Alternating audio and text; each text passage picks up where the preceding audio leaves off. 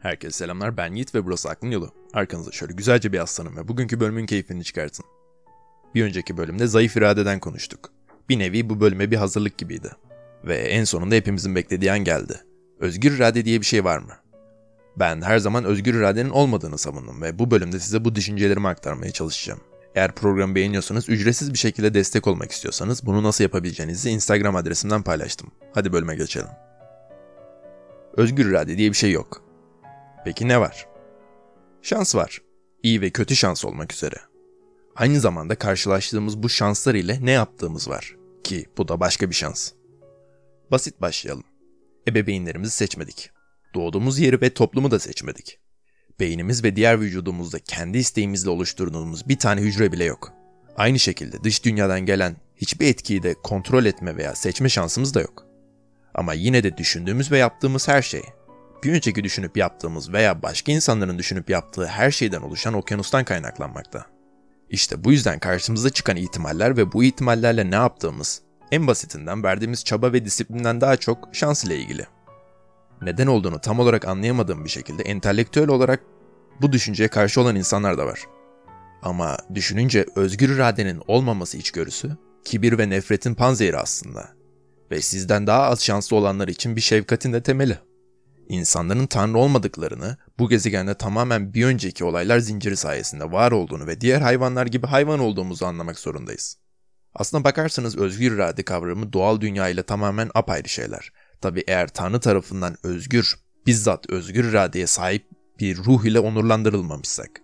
Bu da günah işlemek ve işlememeyi tercih etmek olarak karşımıza çıkıyor dinlerde. Neyse bu etik konulara girmeden önce konuşmamız gereken başka şeyler var. Şimdi sizinle küçük bir oyun oynayacağız. Doğrudan size anlatmak yerine özgür iradenin olup olmadığını bu oyunun sonunda kendiniz fark edeceksiniz. Dünya üzerinde bir tane şehir seçin. Herhangi bir şehir. Önceki konuşmalarımda size hangi şehri seçeceğinize dair etkilemiş olabilirim. Olmayabilirim veya özgür iradenin giriş bölümü, zayıf irade bölümünde birkaç ipucu bırakmış olabilirim. Olmayabilirim veya verdiğim bu ipucular seçiminizi etkileyebilir, etkilemeyebilir. Mesela belki Berlin şehrini yerleştirmişimdir kafanıza. Örnek veriyorum yani Berlin'i seçmeyin.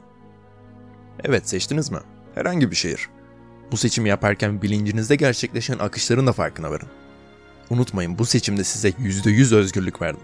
Herhangi bir şehri seçebilirdiniz. Hayatınız boyunca bundan daha özgür bir seçim yapamayacaksınız muhtemelen. Birkaç tane şehir gözünüzün önüne gelmiştir. Bunlardan birini seçtiniz ama üzgünüm. Yanlış şehri seçtiniz. Bir daha seçin. Vallahi bu son. Bunu yapıyorum ki akışı iyice fark edebilin. Yeni seçtiğiniz şehir de az önceki seçtiğiniz şehir olmasın. Seçtiniz mi? Okey.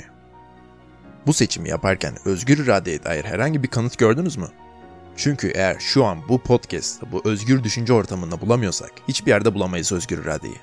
O yüzden aramaya başlayalım. Öncelikle ismini bilmediğiniz yani seçim havuzunda olmayan tüm şehirleri bir kenara atalım ki bu şehirlerin sayısı 2 milyondan fazla.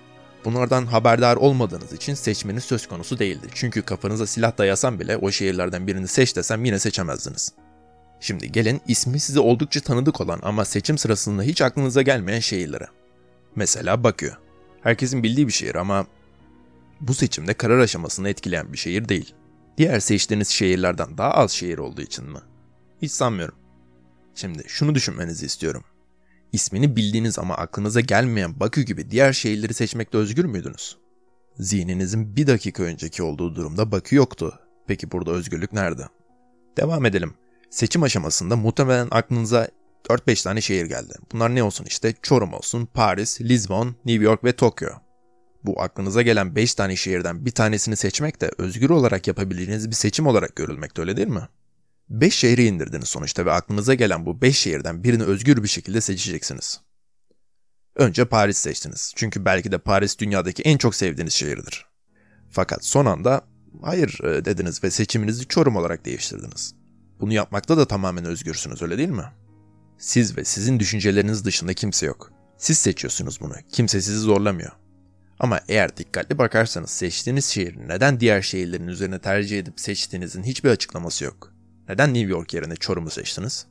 Tabii ki de Çorum'a dair özel bir hikayeniz olabilir. Mesela bu sabah uyandığınızda leblebi yemişsinizdir. Onu hatırladım ve Çorum'u seçtim diyebilirsiniz. Psikoloji yaptığımız işi yaparken neden retrospektif bir şekilde siyah ve beyaz olduğumuz konusunda çok kötü hakimler olduğumuzu gösteren kanıtlarla dolu. Seçim yaparken sabah yediğin leblebiyi hatırlamış olmana rağmen bu soru sorulduğunda leblebiyi neden hatırladığın yine belirsizdir. Leblebi yemenin neden negatif etki yaratmadığı da bir gizemdir. Evet bu sabah zaten leblebi yedim bu kadar çorum yeter deyip Paris'i de seçebilirdiniz. Buradan anlamamız gereken şey bence şu. Siz, iş dünyanızı bizzat izleyen bir bilinç olarak siz kararı vermiyorsunuz. Sadece bu kararları tanıklık ediyorsunuz. Size ilk defa bir şehir seçin dediğimde bilinciniz koskoca bir boşluktu. Ardından sıra sıra şehir isimleri aklınıza gelmeye başladı. Bunlar milisaniyede gerçekleşti ve aklınıza gelen şehirlerden hangi sebeplerden dolayı geldi yine bir gizem konusu. Bunun üzerinde hiçbir gücünüz yok. İşte bu yüzden de özgür iradenin hiçbir şekilde kanıtı yoktur. Yorulduk ya. Alın biraz müzik dinleyin.